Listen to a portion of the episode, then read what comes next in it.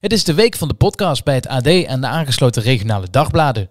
Voor ons complete podcastaanbod ga je naar ad.nl slash podcast of naar de site van jouw regionale dagblad slash podcast. Voor nu, veel plezier met deze podcast. Mijn boek is gebaseerd op geruchten, maar ik ben wel de laatste die hier gaat zeggen wat waar is, waar, ik, waar als, als complottheorieën te ver doorgevoerd worden, dan haak ik af.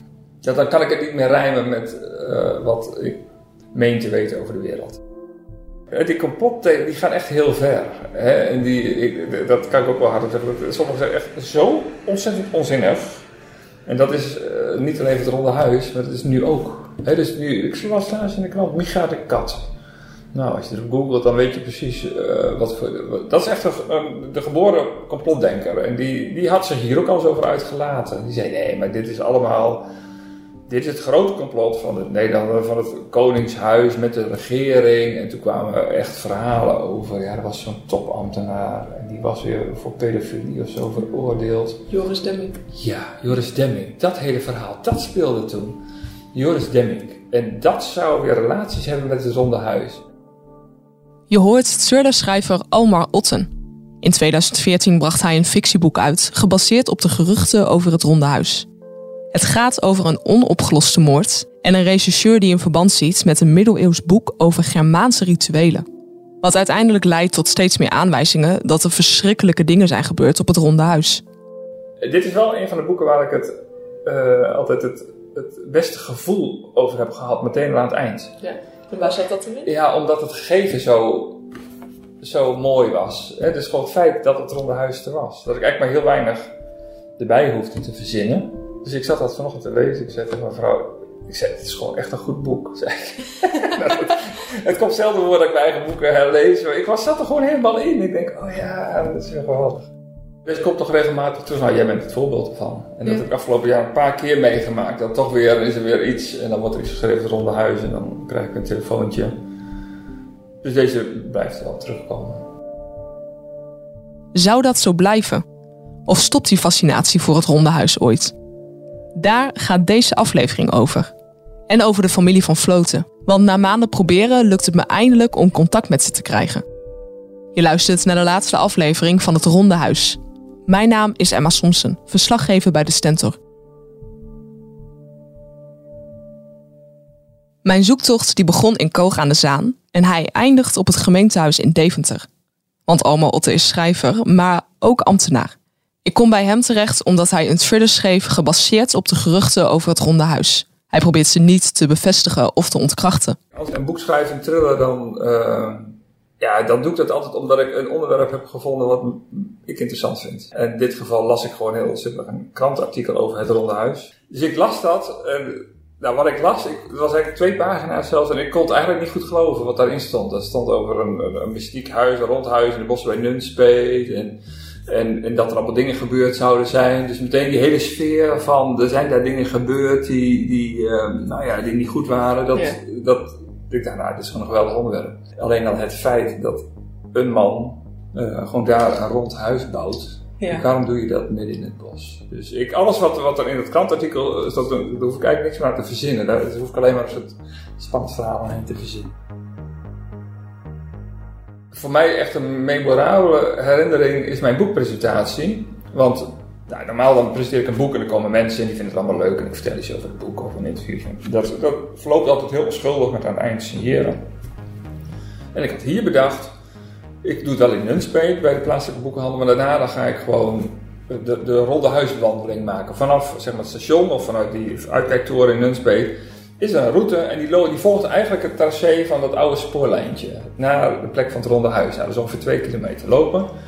Dus ik had dat eigenlijk op Facebook gezet en uh, uh, nou, maar afwachten wie er komt. En uh, als ik met de boekhandelaar om me liep ik daarheen en toen kwam het hoekje en vroeg hij van wat verwacht je ongeveer. Nou, ik zeg, ja, jeetje, zoveel reclame is er niet voor gemaakt. Dus ik ben ook bij als er twintig mensen zijn. Ik ken tien mensen, weet ik dat ze komen. En ik kwam daar om het hoekje. Honderden. Maar echt honderden. En ik dacht van, allemachtig. Dus ik dacht, is dit allemaal? Dus ik vroeg ze even, kom je van huis? Ja, ja, ja, ja, ja. Dus, nou, ik kon er niet meer overheen, nauwelijks overheen schreeuwen. Dus ik, ik, ik ging lopen. Dus ik zei, nou, volg mij allemaal maar. Dus ik liep zo voorop met een paar vrienden. Ja, en ik keek om en het was één grote mars door dat weggetje. Nou, die was al wel 200 meter lang, die, die, die, die stroom mensen. En uh, dus die vriend van mij heb je ook een vergunning voor aangevraagd? Toevallig heb ik dat niet. En, uh, maar ik was heel benieuwd wie dat waren. Want uh, nou, toen werd al heel erg duidelijk dat, dat nou, de, de, de, een derde was mensen die gewoon vanwege mij, vanwege dat ik weer een boek had geschreven. Een derde waren mensen uh, een beetje lokaal die dat hadden gehoord, die gewoon wel geïnteresseerd waren. En een derde waren echt uh, nou, van, van extreme complotdenkers tot gewoon mensen die het onderwerp om die reden interessant vinden. Dus dat was eigenlijk voor mij ik dacht, oh ja, dit is toch wel geweldig. Dus Kabijker leeft het, eh, het onderwerp gewoon. Iedereen die ik spreek over het ronde huisje lijkt een soort van, meteen een soort van fascinatie voor te hebben. En ik doe ik zelf ook, ik heb er nu veel van gelezen. Het blijft in je hoofd zitten. Waar, waar zit die fascinatie in voor jou in, denk je? Ja, uiteindelijk toch de mogelijkheid dat daar dingen zijn gebeurd die ja, die buiten de grens van wat wij normaal leven vinden, zeg maar. dus of dat nou offers, mensenoffers zijn, of dat is de meest extreme dan meteen. Maar, maar, dat, dat zulke soort dingen kunnen en dat die mogelijk daar gebeurd kunnen zijn, uh, gecombineerd met, met toch wel de, uh, nou ja, dan de mogelijke betrokkenheid, nou, zeker aanwezigheid van toen prins Hendrik, dus toch wat het Koninklijke Huis. En... De mogelijkheid dat het zou kunnen. Volgens Alma Otte zijn wij mensen allemaal nieuwsgierig naar datgene wat we niet kunnen verklaren.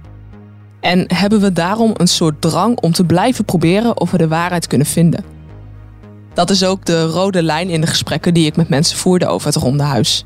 Ik hoor het van Wilma Taal. Het, het, het is eigenlijk gewoon een, een stukje fascinatie en uh, een pitbullhouding. Een pitbullhouding? Ja. Erin vastbijten, niet vastbijten en niet loslaten.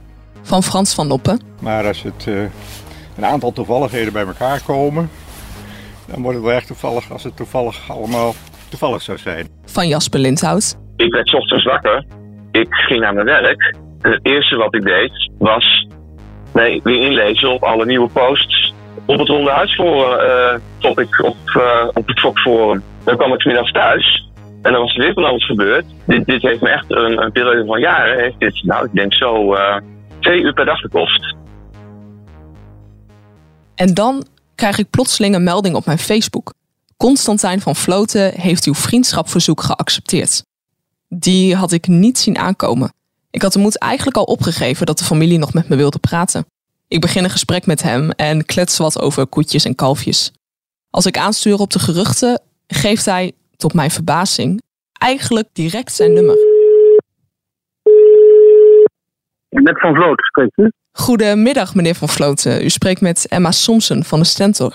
Van de? Van de Stentor. Stentor. Wij hebben even contact gehad via, via Facebook. Ah, ja, ja, ja, ja, ja, ja. ja. Maar dat is toch eigenlijk een gesloten, dat is toch een gesloten boek eigenlijk, de toestand. Wat ik weet van mijn familie af, van mijn familiekant, uiterst nette mensen. Super netjes. En die verhalen, uh, ja, het gaat altijd tegen autoriteit in. Hè? Ik wilde een referentie geven over mijn familie. En dus ik kom ik op het ronde huis uit met al die rare verhalen. Ik dacht, nou, dat is ook wat. Dus dat was gewoon, dat zijn opgeklopte robbels. Dus u had daar nog nooit iets van gehoord? Nee, dus ik kom er opeens uit. En toen begon het toen met die boeken, weet ik wat, en uh, begon een eigen leven te leiden. Mensen weten niet wat te zien, wat er gebeurt, dan gaan ze fantaseren. Ik weet het allemaal niet. Nee. Maar ik kan me niet voorstellen dat, dat wat ze beschrijven in het boek, dat het ook gebeurd is. En dan heeft u het over die, de, de, de gekke rituelen en het bordeel en de jonge meisjes en al dat soort dingen. Ja, maar allemaal, allemaal Maar dat is toch bizar eigenlijk dat dat soort dingen over je familie worden gezegd. Ja, nee, dat is helemaal, dat is helemaal voorbij, voorbij. Kijk, wat er ook zoiets eh, was, dat mijn overgrootvader, die werd beschuldigd van coöperatie met de Duitsers. Nou, dat is lang voor de oorlog overleden. Volgens Constantijn moet je de geruchten in de tijd plaatsen van toen.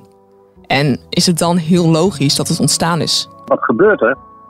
Het zijn zomerverblijven, dus die zijn uh, ja, krulle muren en zo. Ja, die gaan op vakantie daar en er worden feesten gegeven en noem maar op. En ja, en uh, dat, is natuurlijk een bron van roddelen. Mm Voor mensen, voor de buitenstaanders. Snap je? Ja, dat snap ik wel. Als er opeens een vreemde man een enorm rond huis bouwt in de bossen van jouw dorp en daar allemaal feesten houdt, snap ik wel dat mensen daarover beginnen te roddelen. En dat doet me denken aan wat Joop Ozinga in aflevering 2 tegen me zei. Weet je nog, de boekhandelaar uit Nunspeet? Die, in die tijd, hè, dus dat, uh, dat is dan uh, begin uh, 1900, eerst zelf 1900. Die, toen was Nunspeet natuurlijk niet zo groot. En als daar zo'n treintje ging, dat waren gasten. En die gasten, die, waren dames en heren bij die daar naartoe gingen. Chic de Vriemel daar naartoe. En, uh, en dan zagen ze af en toe een half treintje terugkomen met mensen. En dan denken ze, ja, waar zijn die anderen nou gebleven? Kijk, zo gaat ook, een, een, dan vormen ze zichzelf wat in hun hoofd van dat, dat daar iets meer gebeurt dan dat er gebeurt. Kijk, dat hij rondreed op een, op een paard en dat hij, uh, nou ja, als een wilde, want het was wel een beetje een bijzondere man. Mm -hmm. uh, maar als een gek van de ene plek naar de andere plek door het bos razen of door, de, of door het zand heen ging Kijk, dan, dat is al anders dan een Nunspeter kent. Nunspeters zijn, wat dat betreft, zeker in die tijd, was natuurlijk hartstikke arme bevolking. Hm. En die herkent heel veel dingen niet.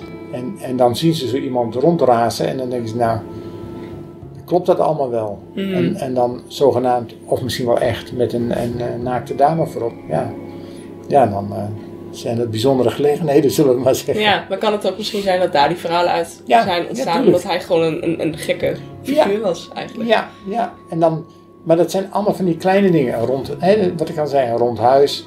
Wie bouwt dat nou? Wie bouwt er nou een rond huis? Waarom ga je nou een rond huis bouwen? Ja. Het is niet logisch. De kamers zijn ook niet, uh, niet echt uh, logisch. Ja, het is de buitenkant rond en dat moet dan in een, loopt dan in een schuimte naar, naar binnen toe. Ja, en dan krijg je een binnenrand. Nou, eh, aan de ene kant is het natuurlijk leuk, maar het is helemaal niet gebruikelijk. Het ronde huis is de afgelopen maanden in mijn hoofd gekropen. Ik sprak zoveel mensen met zulke uiteenlopende verhalen dat je heen en weer wordt geslingerd tussen wie of wat je nou moet geloven. Als ik nu in de bossen van Nunspeet loop, schieten al die verhalen door mijn hoofd. En bij het knappen van een takje of het ruisen van de bladeren lijk ik toch even te schrikken, een soort van op mijn hoede te zijn. Wat daar precies is gebeurd of juist niet is gebeurd, ik denk niet dat we er ooit achter gaan komen. Mensen die het zouden kunnen weten zijn overleden. Maar het verhaal is bijzonder en het leeft. Het leeft door de losse eindjes en omdat het in mensen hun hoofd zit, inmiddels ook in het mijne. Wie weet duiken er nog documenten op, wie weet start iemand een onderzoek. Wie weet komen we er ooit achter. Dit stuk gaat over Anna, meisje van een jaar of 14 uit Amsterdam, waar ze altijd heeft geleefd in een weeshuis. Ze moesten twee keer overstappen, in Hilversum en in Amersfoort. De derde keer dat ze uitstapten, stonden ze op het station Nunspeet. Daar had Anna nog nooit van gehoord. Verbaasd keek ze om zich heen. Het leek alsof ze aan het eind van de wereld waren beland. Aan de ene kant van het spoor zag ze een paar huizen staan en verderop één groot gebouw. Aan de andere kant strekte bos zich uit zover ze kijken kon. Het groot gebouw moest een hotel zijn. Was dat hun bestemming? Deze kant op, dames, klonk de heldere stem van Maria Elisabeth. Ze liepen niet richting de huizen, maar de andere kant op, richting het bos. Tussen de bomen zag ze tot haar verbazing een trammetje staan, zonder dak. In de lengterichting ervan stonden twee lange houten banken, zodat de passagiers met de ruggen tegen elkaar aanzaten. Met enige moeite vonden ze allemaal een plekje. De luide stoomfluit waarmee de bestuurder van de tram het signaal gaf dat ze gingen vertrekken, leverde een hoop gegil op. Anna zag dat ze werden nagekeken door twee oude mannen in een blauwe overal en op klompen. Ze reden eerst een stuk door het bos. Zoveel bomen had ze nog nooit bij elkaar gezien. Toen kwamen ze uit op een enorme zandvlakte. Het leek wel een woestijn met overal heuveltjes en hier en daar kleine boompjes. Terwijl het trammetje vaart minderde, doemde daar opeens een gebouw op. Alle stemmen verstomden. Iedereen keek naar het immense ronde bouwwerk op de zandheuvel. Het was een huis met ramen, balkons, meerdere verdiepingen, een voordeur. Maar het was rond, rond als een bord. De tram stopte. De laatste honderd meter legden ze lopend af, nog steeds onrustig zwijgend. Argwanend keken ze elkaar aan en wezen naar het huis op de heuvel. Op het bordes werden ze opgewacht door een man met een lange jas aan en een hoed op. Hij omhelsde Maria Elisabeth en kuste haar, langer dan betamelijk was, op de mond. Misschien was het wel zijn vrouw, bedacht Anna tot haar geruststelling. Dan zou alles kloppen. Toen richtte de man zich tot de meisjes. Hij nam zijn hoed af en maakte een diepe buiging. Welkom in het ronde huis, zei hij. Ik hoop dat jullie hier de tijd van je leven zullen hebben. Ik wil je bedanken voor het luisteren naar deze podcast. Dat je mee bent gegaan op mijn zoektocht naar alle verhalen. En ik wil iedereen die ik gesproken heb bedanken dat ze hun verhalen wilden delen. Wilma Taal, Joop Ozinga, Frans van Noppen, Alma Otte, Jasper Lindhout en Constantijn van Vloten. Je luisterde naar Het Ronde Huis, een podcast van de Stentor. Je vindt alle afleveringen terug op Spotify, Apple Podcast, Google Podcast en de site van de Stentor. Het Ronde Huis is gemaakt door mij, Emma Somsen. De eindredactie werd gedaan door Karen Smolders en Kevin Goes.